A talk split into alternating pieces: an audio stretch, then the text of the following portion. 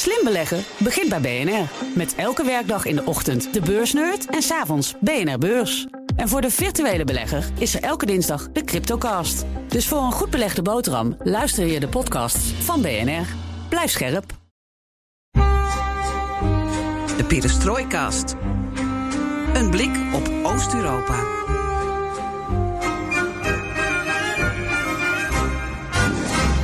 Welkom bij weer een nieuwe aflevering van Perestrooi Quarantaine. Aflevering nummer 9 van deze corona-spin-off. We hebben natuurlijk een heleboel reguliere Perestrooi-casts gemaakt. Maar in deze spin-off kijken we naar de impact en het effect van de coronacrisis op onze regio, want die is natuurlijk enorm. Ja, in aflevering 8 hoorde je meer over Albanië en Kosovo, over theaterterreur en regime change. Ja, in deze aflevering gaan we het hebben over ja, toch wel historische botsingen die ineens in Bosnië plaatsvinden. Prachtige alliteratie bijna. En heb je nou ook een onderwerp voor de perestrooikast of perestrooi quarantaine? Meld je dan via Twitter, het perestrooikast, of mail ons op perestrooikast.bnr.nl. Mijn naam is Geert-Jan Haan. En ik ben Floris Akkerman. En dit is BNR. Perestrooi. Kast. Quarantaine. Kast. Perestrooi Kalinka.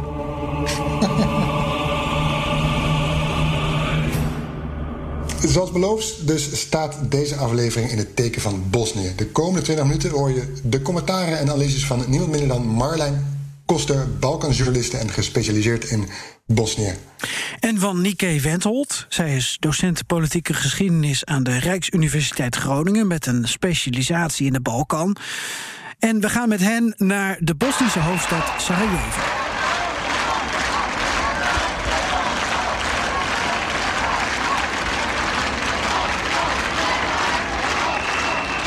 Daar zagen we zaterdag 16 mei duizenden mensen de straat op gaan met mondkapje, maar toch ook vrij dicht op elkaar. Wat was er zo belangrijk dat in deze coronatijd het isolement overstijgt en waarom met z'n allen protesteren? Ja, wat ik begrepen heb, en we gaan het zo aan de deskundigen vragen, is dat dit te maken had met een kerkdienst in de kathedraal van Sarajevo, een mis. Iets waar Sefik Javrovic, uh, waarnemend president van het staatspresidium, uh, nog te vergeefs een oproep voor deed om dat niet te laten plaatsvinden. Een religieuze bijeenkomst, een herdenking die te maken had met het einde van de Tweede Wereldoorlog. Het thema ook van onze recente perestrooikast, van herdenken. En het bloedbad van Bleiburg, dat vond toen plaats half mei 1945, dus precies 75 jaar geleden. Daarbij moesten veel, uh, vooral Kroatische soldaten en burgers toen het leven laten van de Oestasje. En dat bloedbad wordt nog altijd elk jaar herdacht met een mis in de Rooms-Katholieke Kerk. En ik begrijp dat daar dus ophef over is ontstaan dat dat in Sarajevo ineens moest plaatsvinden. Marjolein, corona of niet, men ging massaal de straat op. Wat is er aan de hand? Uh, normaal gesproken wordt de bijeenkomst van, om de Oestasja soldaten te herdenken, die wordt dus in Blijburg gehouden. Maar dat kon nu uh, niet op die manier doorgaan vanwege corona. En daarom gingen ze naar Sarajevo. En dat is gewoon heel pijnlijk. Um, juist omdat er in deze regio, regio zoveel gemoord is door deze soldaten. En dan willen ze nu die soldaten daar herdenken. En het is misschien niet helemaal te vergelijken, maar um, ja, alsof er een herdenking voor nazi-soldaten in Amsterdam gehouden wordt. Dus dat is gewoon heel omstreden. Uh, de Oestasja die collaboreerde uh, toen dus in de Tweede Wereldoorlog met de nazi's. En zij hebben in Joegoslavië onwijs veel leed aangericht. En het bekendste voorbeeld daarvan is het concentratie- en vernietigingskamp Jasenovac. En dat wordt ook wel het Auschwitz van de Balkan genoemd. Um, de aantallen zijn niet helemaal duidelijk, maar nou, het gaat echt om honderdduizenden die hier vermoord zijn. En dat zijn voornamelijk Serviërs. Mm, en ook in Sarajevo zijn er heel veel mensen vermoord. En uh, bijvoorbeeld heel veel Joden en mensen van de Roma. Maar toch was het uh, nou ja, door sommige Bosnische, Bosnisch-Kroatische politieke partijen... die stonden wel achter, deze bijeenkomst. En uh, de bijeenkomst werd toegestaan. En uh, ondanks dat er dus vooraf ook al stil protest was... Um, en daarom gingen mensen de straat op. Best wel massaal. Nike, ik begrijp dat het ook bij jou wat losmaakt. Hoe duid jij als historica dit protest? Ja, de protesten in Sarajevo uh, maakten veel los. Ook bij, bij mij, zal ik direct maar toegeven. Ja, de aanleiding is wel wat ingewikkeld. Het dwingt me om er een klein geschiedenisoverzichtje in te fietsen. katedrali Presvetog srca Isusa u Sarajevu. De katholieke kerk was van plan, of heeft het ook gedaan trouwens, heeft een herdenking georganiseerd voor de gebeurtenissen in Blijburg. We hebben het hier dus over de Tweede Wereldoorlog. Uh, voor ons Nederlanders klinkt dat al heel verre geschiedenis. Voor veel Bosniërs is dat wat minder zo. Want in Blijburg zijn toen enkele duizenden Kroatische fascistische troepen vermoord door de communistische partisanen. Nou, nou klinkt dat inderdaad als iets wat je, wat je best kan herdenken. Hè? Er kwamen ook burgers bij om.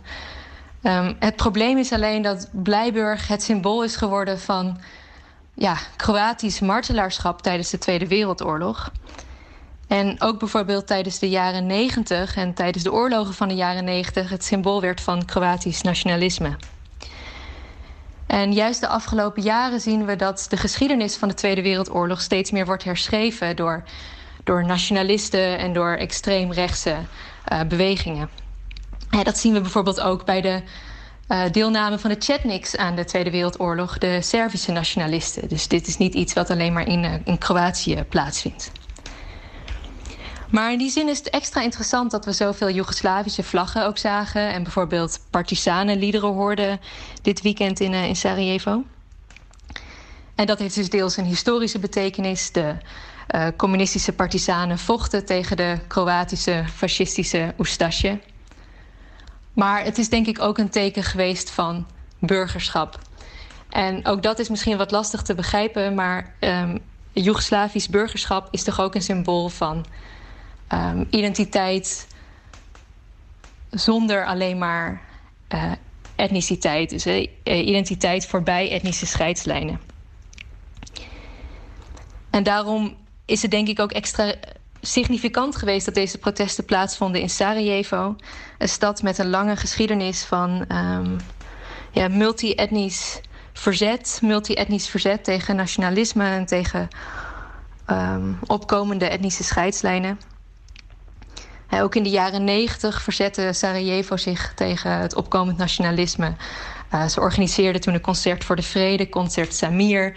Nou ja, helaas natuurlijk met weinig resultaat in die zin, maar ik denk wel dat dat ook illustreert waarom deze protesten tegen het herschrijven van de geschiedenis, tegen nationalistische herschrijving van de geschiedenis, zoveel losmaakten. Zowel in Bosnië als daarbuiten. En, en juist in deze tijd. En Marjolein, was er toestemming gegeven voor deze demonstratie? Het uh, protest zag er heel georganiseerd uit. Maar ik heb het even nagevraagd en er is niet officieel een vergunning voor aangevraagd. Uh, want eigenlijk wist ook wel iedereen dat, die, dat er geen toestemming zou komen, aangezien er nog steeds maatregelen gelden om de verspreiding van het coronavirus tegen te gaan. Uh, het werd daarom eigenlijk gehouden als een soort spontane mars tegen het fascisme. Maar ja, eigenlijk wist iedereen er wel van, omdat het gewoon zo groot was aangekondigd. Smrt fašizmu, ukinuti fašizam, vlada ovom zemljom. Nije iskorijenjen još. Još se ova zemlja nije oslobodila od 45.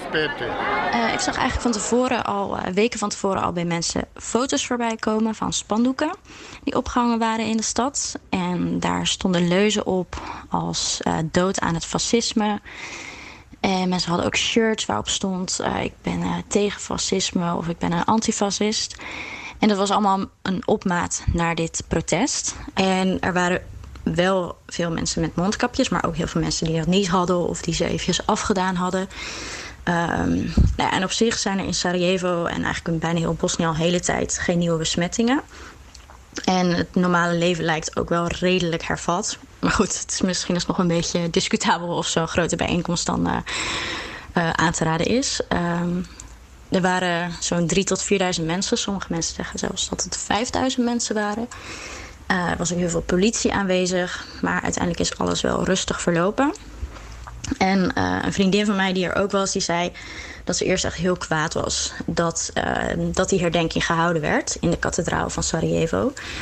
Maar dat ze ook wel trots was dat ze nu kon laten zien waar ze als stad voor staan. En dat deze gebeurtenis ook weer heeft laten zien waar sommige politici staan. Uh, afgelopen woensdag kwam daar nog een uh, soort van positief draai aan. Want toen heeft het parlement uh, van Bosnië een motie aangenomen dat evenementen gerelateerd aan Blijburg in Bosnië onacceptabel zijn. En de president en de minister van Buitenlandse Zaken... die hebben dan ook de opdracht gekregen dat te laten weten aan buurland Kroatië... die dit evenement ook sponsorde. Of dat extra spanningen tussen deze twee landen zal opleveren... dat is moeilijk te zeggen, maar het is wel weer een voorbeeld van... hoe landen in deze regio zich met elkaars politiek bemoeien. Ja, Nike, mijn eerste gedachte was toen ik hoorde van deze demonstratie... dit willen de mensen juist. Mensen willen naar buiten. Uh, op de Balkan zijn strenge lockdowns van kracht of van kracht geweest, ook in Bosnië. En ja, die duizenden mensen die de straat op gaan. Um, dat doen ze gewoon omdat ze dan een reden hebben om naar buiten te gaan. Of zie ik dat verkeerd? Nou, ik vind het wel een leuk idee als een soort rebellie tegen thuisblijven. Maar ik denk dat ik jullie dat ook niet hoef te vertellen. Dat mensen in deze regio over het algemeen heel erg bezig zijn met hun gezondheid.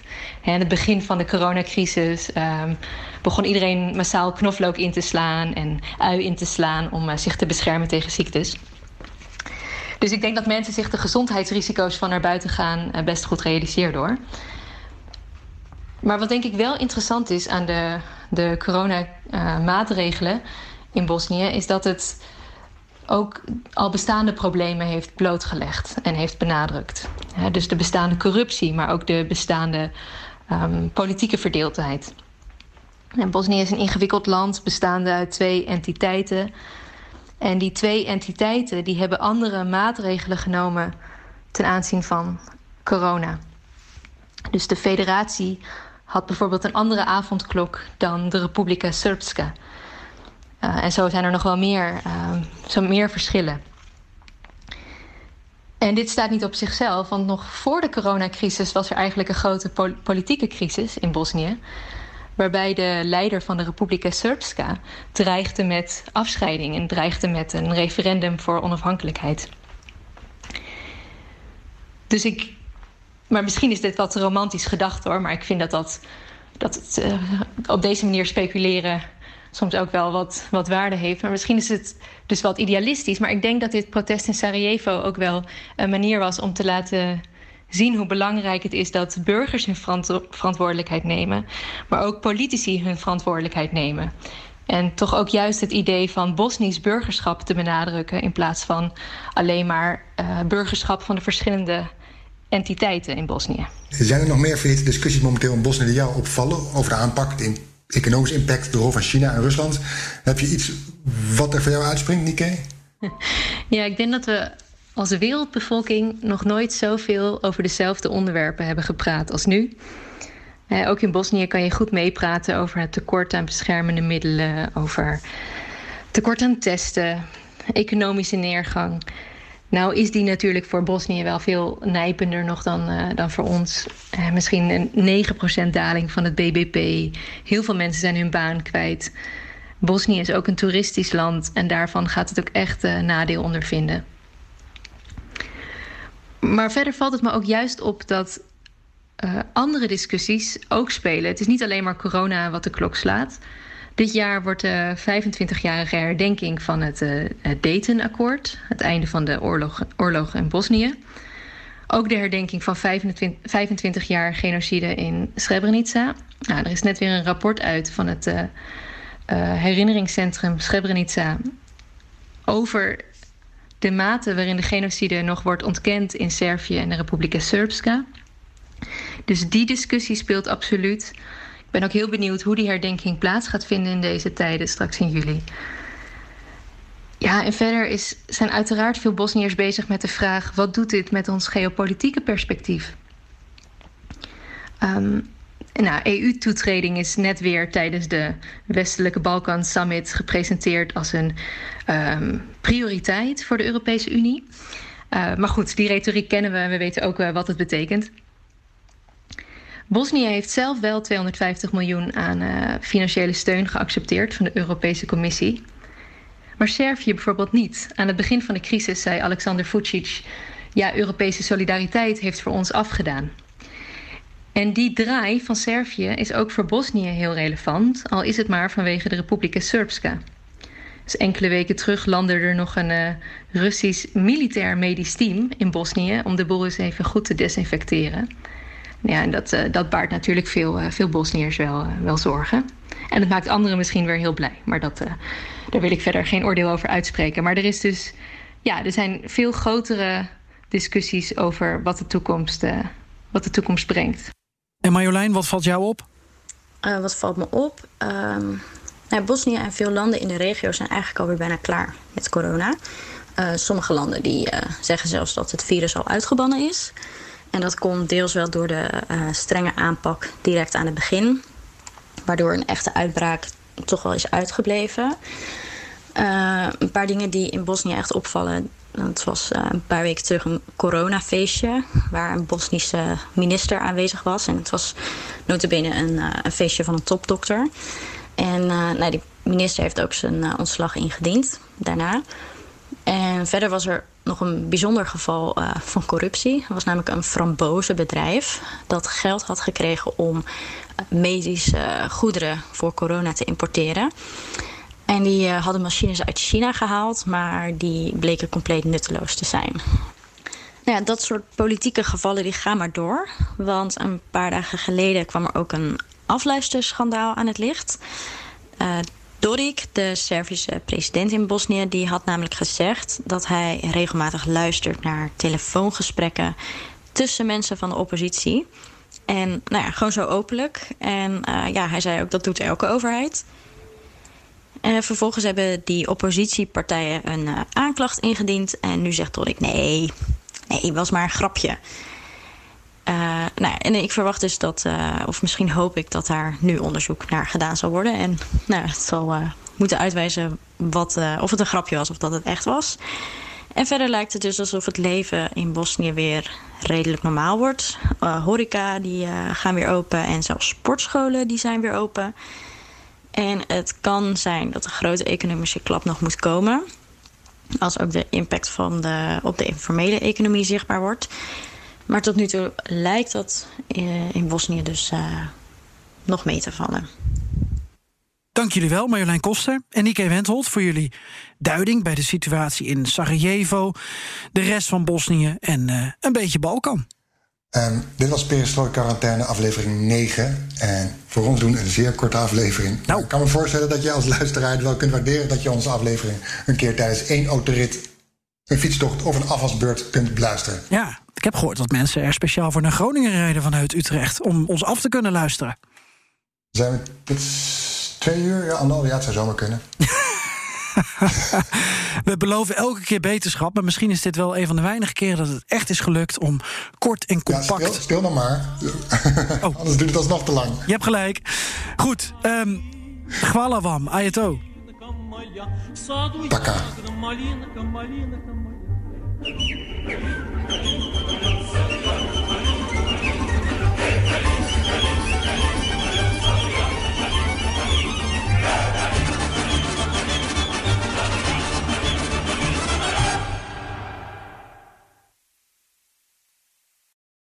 BNR Headlines. De hele dag binnen- en buitenlandse politiek. In Nederland hebben we geen munitiefabrieken. De hele dag economie. Vijf dagen in de week bezorgen, dat kan niet uit.